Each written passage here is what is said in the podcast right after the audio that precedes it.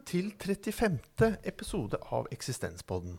Programmet hvor vi snakker om det å være til. Mitt navn er Erling Berrum, og i dag er jeg på besøk hos Olav Gjelsvik. Hvordan vil du kort beskrive deg selv? Som filosof Jeg har engasjert meg veldig bredt i filosofi, så jeg har eh, arbeida i svært mange grener av filosofien.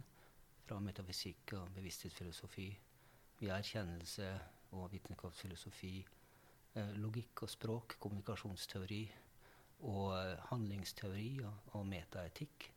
Vitenskapsteori for samfunnsfag og relasjoner der til eh, etiske ting. Det er veldig bredt, det jeg gjør. Og det som jeg gjør akkurat nå for tida, er jo å lede og, og få i gang et, det nye studieprogrammet i filosofi, politikk og økonomi, som har fått veldig stor eh, søknadsmasse. Svært eh, begava, flinke studenter. Det er jo en helt ny satsing i Norge. Som nå er kommet i gang i Norge, samtidig med at eh, de i Oxford, der den kombinasjonen der starta, da, driver og feirer 100-årsjubileet for at det her ble vedtatt. Så vi er 100 år etter, kan du si. 100 år etter. 100 år etter. Hva tenker du kan være viktig å nevne om deg og ditt liv? Hvis du tar utgangspunkt i det jeg nettopp sa, da, med å prøve å bringe um, filosofi sammen med, med, politisk tenkning og, og uh, hvordan økonomifaget også adresserer en rekke normative spørsmål, så ser du en slags bredde i dette her, som uh, er én dimensjon ved det jeg har gjort. Så jeg har bredde både i forhold til andre fag, synes jeg, og jeg har bredde i forhold til filosofiske spørsmål. Der jeg er opptatt først og fremst av systematiske spørsmål, men jeg har også en del sånne historiske interesser. Men dypest sett så er ikke filosofiens historie så veldig egentlig forskjellig fra seg i sin betydning for filosofifaget. For filosofifaget er etter min oppfatning et rent systematisk fag. Så historien har samme betydning som eh, f.eks. historien i matematikk. Det er jo en flott matematikkhistorie. Men det viktige er jo rett og slett innholdet i de matematiske teoriene, akkurat som det innholdet i de filosofiske teoriene og synspunktene som er det viktige i filosofi. Så jeg ser på filosofi som en, som en uh, krevende, abstrakt disiplin som du kan bli interessert i, men som det er veldig langt fram til å kunne drive aktivt. Fordi at uh, det, er veldig langt fram til forskningsfronten. Det er veldig mye å tilegne seg før en kommer dit at en virkelig kan bidra til den og stille spørsmål til den. Det er et fantastisk fag ute i verden som jeg først og fremst kan si, ser meg sjøl i forhold til som en uh, aktør blant veldig, veldig mange i et stort filosofisk verdenssamfunn. Du er også blitt bedt om å velge ut en grunnleggende dimensjon ved det å være til som menneske som tema for dagens program. Og hva har du valgt at vi skal snakke om i dag? Det er et svært vanskelig valg, uh, og jeg egentlig ville ha dratt inn flere. For det som er med filosofi, er at det er um, Ethvert spørsmål, når du begynner å nøste i det, knytter seg an til veldig mange andre. Eh, så filosofi er et stort vev av sammenhenger når du først får det på plass. For det kan godt hende at du har et filosofisk ståsted, så er det et annet sted i filosofien at det viser at det du har inntatt, butter helt imot. Slik at eh, du har ikke noe holdbart filosofisk ståsted før du på en måte har en slags virkelig systematisk gjennomført filosofisk posisjon. Men det som jeg har lyst til å snakke litt om, er å bringe mye mer ut, så folk kan tenke gjennom, er det at vi eh, har gjort ulike arbeider over tid om det som filosofer har kalt uh, viljesvakhet, som da dreier seg om en manglende integrasjon mellom det som vi tror er rett, eller det vi vet er rett å gjøre, og det om vi faktisk gjør det eller ikke.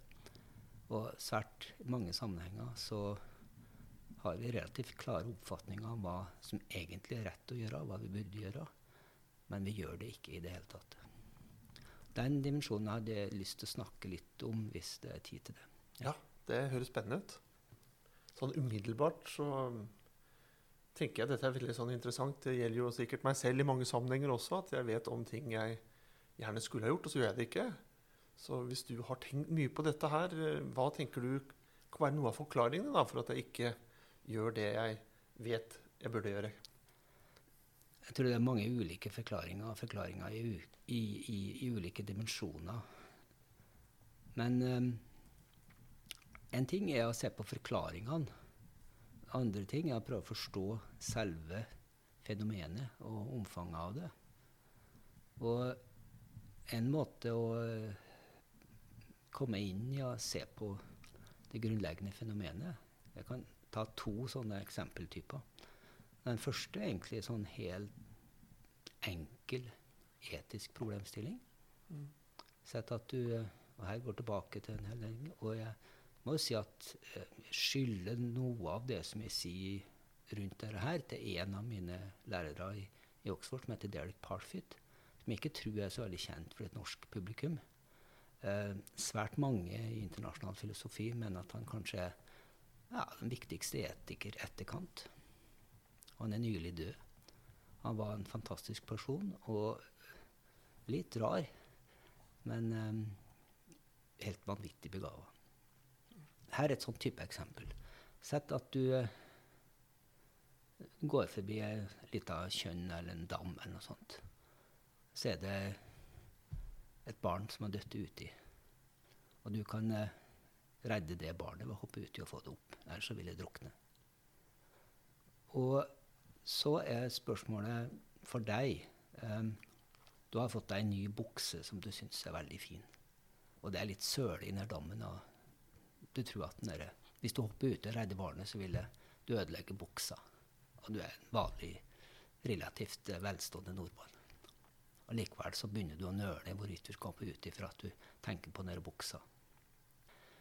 Men de aller fleste oss to her, og de aller fleste som kanskje hører på, du sa at dette er jo helt vanvittig. Det er helt opplagt at du må, du må uti. Og hvis ikke du rekker å ta av deg buksa, så vil du bare hoppe uti med buksa på og redde dette barnet. Det er helt opplagt. Det fins ingen som helst tvil om det. Vi vet at det er det rette å gjøre. Å redde et barn.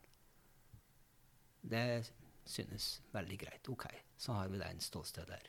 Og det er klart at en som da faktisk ikke hopper uti og redder barnet, og skylder på at 'nei, men jeg var så redd for å søle ut buksa mi', vil framstå fullstendig latterlig, også overfor påtalemyndigheten, mm. i forhold til at en ikke har gjort en byrde for å redde barnet. Så begynne der. Så kan vi tenke oss andre sider ved saken. sant? Vi kan tenke oss at uh, det er flere barn som har dødd uti. Og slik det nå ligger an, sant, så kan du bare redde ett. For at uh, de er spredd utover i dammen, og det skjer ting her. Og, og du må redde ett av dem. Og da er det veldig mange som kommer opp med begrunnelse i retningen av at uh, siden de bare kan redde ett, og uh, med min innsats, og det er veldig mange av dem, så, som burde vært redda, så ender du opp med å ikke gjøre noe som helst. Fordi at eh, en kan jo ikke redde alle. Så blir du litt handlingslamma og gjør ingenting. Det kan vi tenke oss. Og da er spørsmålet om det at det var flere unger uti der, utgjorde noe relevant etisk forskjell. Det som skjer i en sånn situasjon, hvis du ender opp med å ikke redde noen når det er mange av dem, er at du får en slags type psykologisering hos deg sjøl mm. som er moralsk sett veldig tvilsom. Men så kan vi tenke oss at det barnet du kan redde, eh, med en innsats på størrelse med det som buksa di koster. At du kan redde et liv med f.eks. å betale inn penger for et barn som er i Afrika eller Asia, med en tilsvarende innsats. Så at buksa koster 2000 kroner.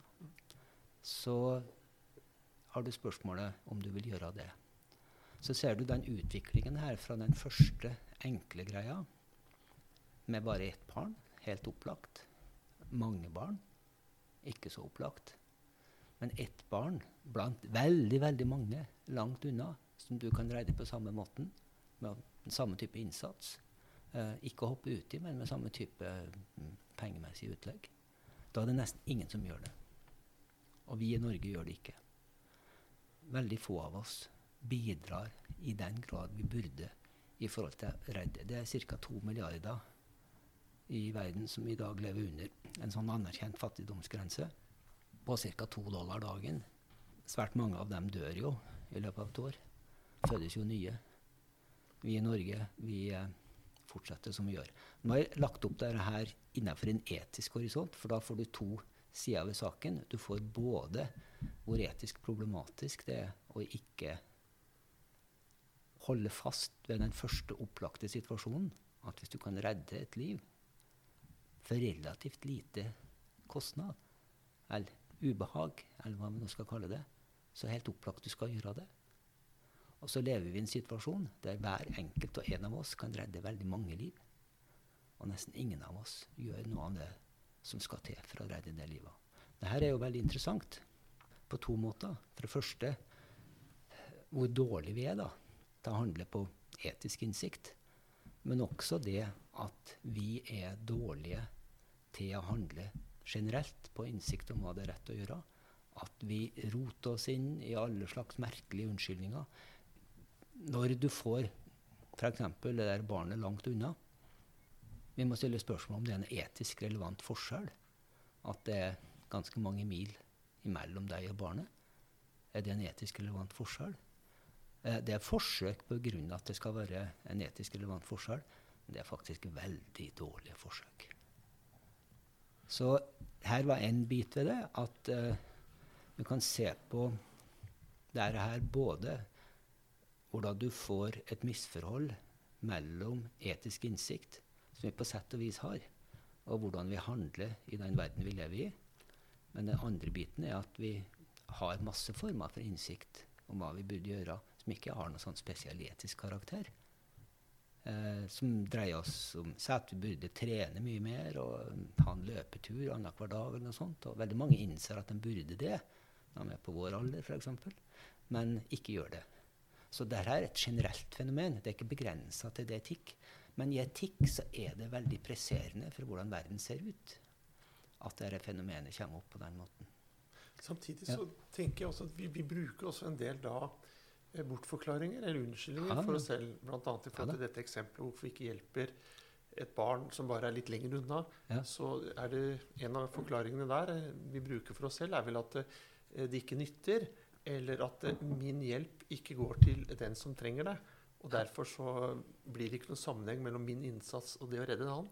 Ja, og det er jo selvsagt det du beskriver der, en, det er en vanlig type sånn resonnement hos folk. Men det er slik jeg stipulerte eksempelet, og det var en stipulasjon, at vi faktisk redda det barnet langt borte. Uh, så, så, det du begynner å gjøre da, er å omskrive situasjonen.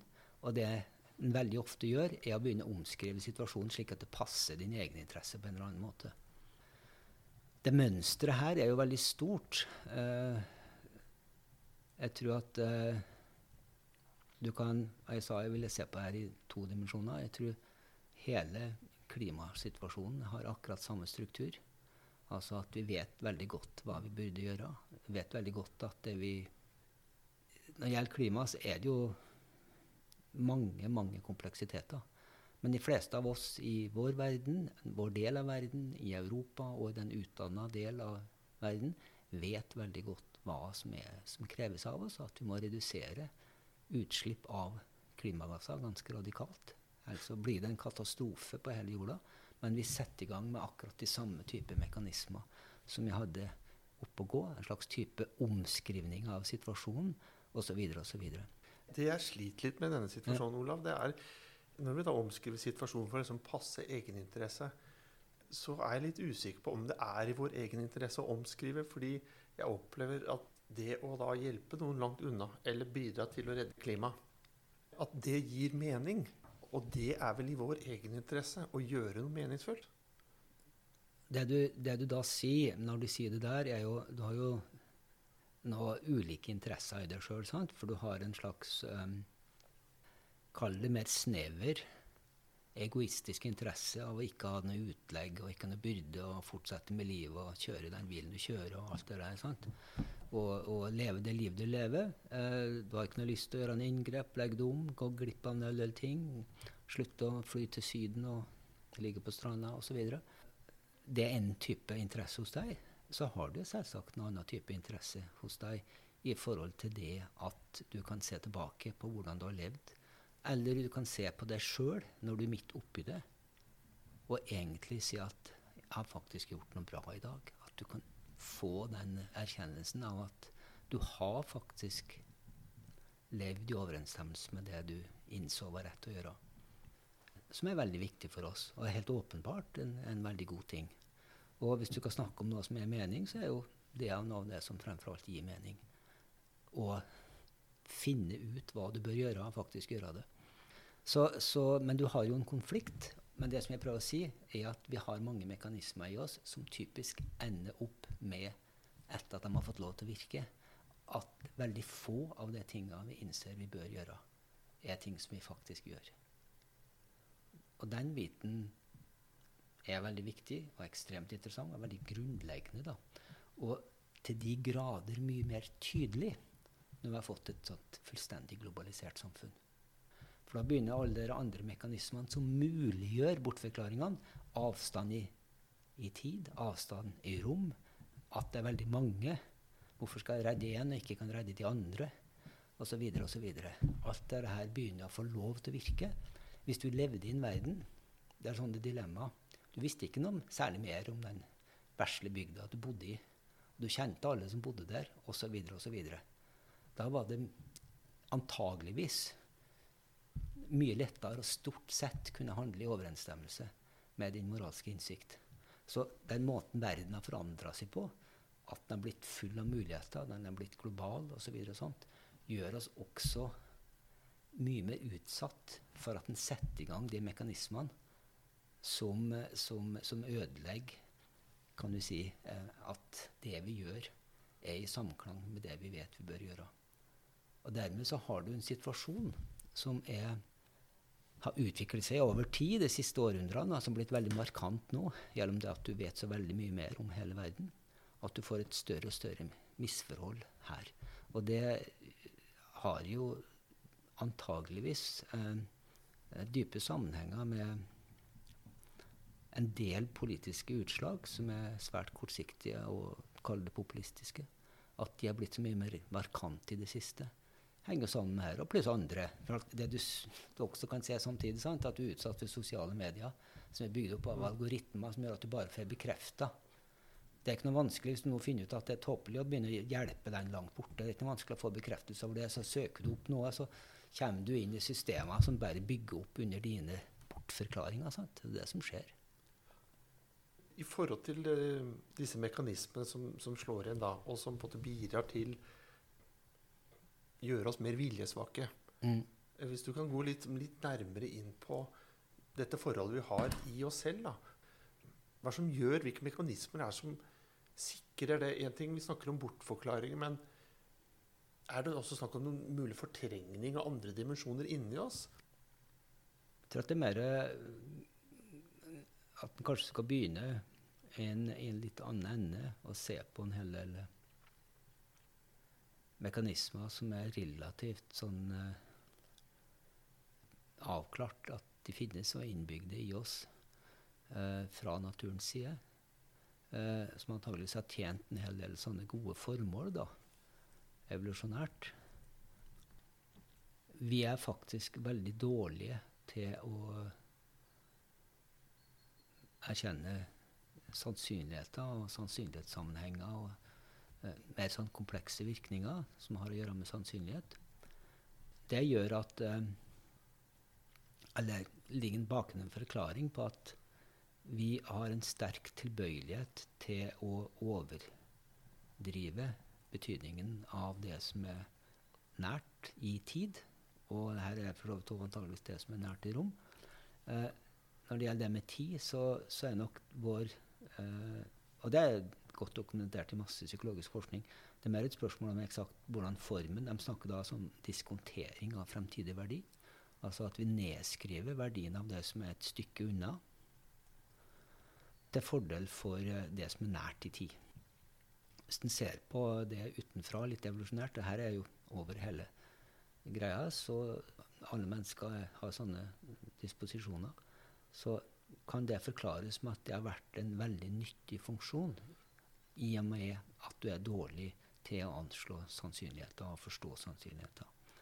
Fordi at det er en korrelasjon mellom hvor sannsynlig noe er, og hvor langt unna i tid det er. Eh, så det naturlige utvalg antageligvis korrigert for vår dårlige evne til å operere med sannsynligheter ved å installere i oss en evne til å velge det som er nært i tid, framfor det som er langt unna i tid. Som da gjør at vi korrigerer for vår tilbøyelighet og ikke klarer å resonnere godt på sannsynligheter. Det er en, det er en relativt vanlig hypotese i dag. Men, men eh, hvis du ser det sånn, så, så, ser du Ta på nytt hva som foregår i si, klimaproblemet. Nesten alle sånne problemer, også for så vidt fattigdomsproblemer, men de er annerledes enn ta klimaproblemet. Det er veldig mye et spørsmål om i hvilken grad skal vi hvordan skal vi vektlegge, vektlegge de langsiktige, langt unna, nå ikke i rom, men i tid, langt unna ting i forhold til de tingene som er nært opp. Og Der har altså vi en sterk tilbøyelighet til å nedskrive verdien på det som er langt unna i tid, og skrive opp verdien relativt da, på det som er nært opp. Så ser du at en lang rekke valg, og nesten alle valgene i klimaspørsmål, de er knytta opp til at hvorvidt Hvordan skal du se på forholdet mellom å få noen umiddelbare goder nå, i form av bilturer, turer til Spania, hva det nå er for noe, og tenke på langsiktige virkninger av den atferden i forhold til skade skade andre mennesker på sikt. Langt unna i, i tid. Så det er spørsmålet om, om en god ting nå og en dårlig ting langt fram i tid. Så er spørsmålet hvordan du skal veie dette her. Og da har vi da innbygd mekanisme som skriver ned verdien etter hvor langt fram i tid det er. Det gjør at vi konstant velger heller gode ting nå med dårlige langsiktige virkninger framfor ting som ikke er så gode nå, men med veldig gode langsiktige virkninger. Det følger direkte av at vi skriver ned ganske mye verdien på det som er langt fram i tid. Jeg opplever at en av bortforklaringene vi bruker i denne sammenheng, er jo nettopp usikkerhet. da. Eller egentlig kanskje vår egen manglende evne til å forholde oss til sannsynlighet langt frem i tid. Det er jo også noe vi bruker for å nedskrive. Det, stemmer ikke det? Dette med at vi, vi, legger inn at det er usikkert, det som skal skje, og derfor så vil vi okay. ikke kunne forholde oss til det, og så prioriterer vi nærheten. Ja, men usikkerhet er jo en måte å forholde seg til noe som er, har en relativt lav probabilitet. Sant? Usikkerhet er på en måte ikke noe annet. Eh, så sett nå at du på en måte erkjenner på et visst nivå at det er riktig å ta et langsiktig hensyn, men du har en tilbøyelighet til å ville gå for det kortsiktige gode og heller ha noen langsiktige uheldige virkninger. Uh, en måte å, å, å, leve med det, som er en sånn litt problematisk sånn greie for deg sjøl, er jo å få til å øke usikkerheten på den gode, langsiktige virkningen. Mm. Da ser du at nei, det var kanskje ikke så godt, det her på lang sikt. Så både probabilitet og tidsdimensjon er en måte å nedskrive verdi på. Hvis noe er langt unna i tid, og i tillegg du på en eller annen sånn irrasjonelt vis klarer å få i stand mekanismer som skriver ned sannsynligheten for at det gode kommer til å inntreffe, så får du ikke lenger den interne konflikten i forhold til hva du gjør, og du kan leve med det. Slik at hele den fornektelsen i dag som foregår av vitenskapelig kunnskap om konsekvenser av en hel del handlinger som ikke er så veldig klimavennlige, hvis du klarer å si at ja, men det er ikke så sikkert at det blir sånn. Og jeg tror veldig mange kanskje til og med tenker sånn at eh, det er da stor usikkerhet her, og, og, og, hvor skal akkurat jeg gjøre det fordi at ingen andre gjør det. Det kan jo bygge inn i det eksempelet med den ungen som detter mm. uti. For det kan godt hende at det, det er en hel del andre som ser at den ungen har dødd uti, men de gjør ingenting. Og skal det være relevant? Du kan redde ungen. Det at de andre gjør ingenting, det er jo selvsagt moralsk unnlatelse fra dem. Men hvor relevant er det for deg? For det som er relevant for deg, er at du kan redde ungen. Om ikke du gjør det, så blir ikke den ungen redda. Og det ser ut til å være for meg det eneste enkle som er etisk relevant i forhold til hva du skal gjøre. At andre ikke gjør det de burde gjøre, det er nå så. Det er jo så det blir litt akkurat det samme. Så det dukker jo opp at her at jo, men det er jo ingen andre som gjør noe for å redde klimaet heller. sant, og så videre, sant? Så, ja. Jeg tenker for egen del, og kanskje Ja. noen av også lytterne tenker Ja. det samme, at eh, de gjerne skulle blitt litt mer viljesterke. Ja.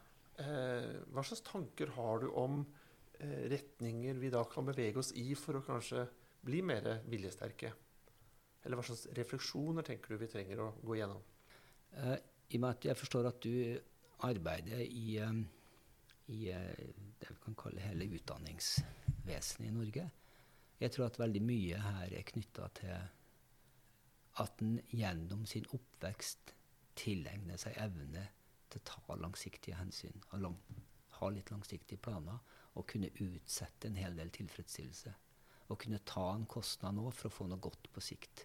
Egentlig så er det å gå gjennom en lang, kompleks utdannelse og forsake en god del ting underveis, for på lang sikt å bli i posisjon til å leve et godt liv. Så slik utdannelse tradisjonelt har fungert, så du, kan du se på at her er det en struktur der du gjennom å ha utdannelsen faktisk også tilegne den evne til virkelig å ta langsiktige hensyn. Hvis det da blir sånn at du i utdannelsessituasjonen må ha øyeblikkelig tilfredsstillelse, det er en sånn her og nå-ting på veldig mange ting, og at det langsiktige perspektivet og ansvar for å forfølge langsiktige mål, og ansvar for konsekvensene ved ikke å forfølge langsiktige mål, at de ikke er tydelige, så svekkes hele vår evne til å kunne ta langsiktige hensyn i våre faktiske valg. Og eh, andre typer hensyn som vi nå snakker om, som de etiske hensynene som er på avstand i rom. Da.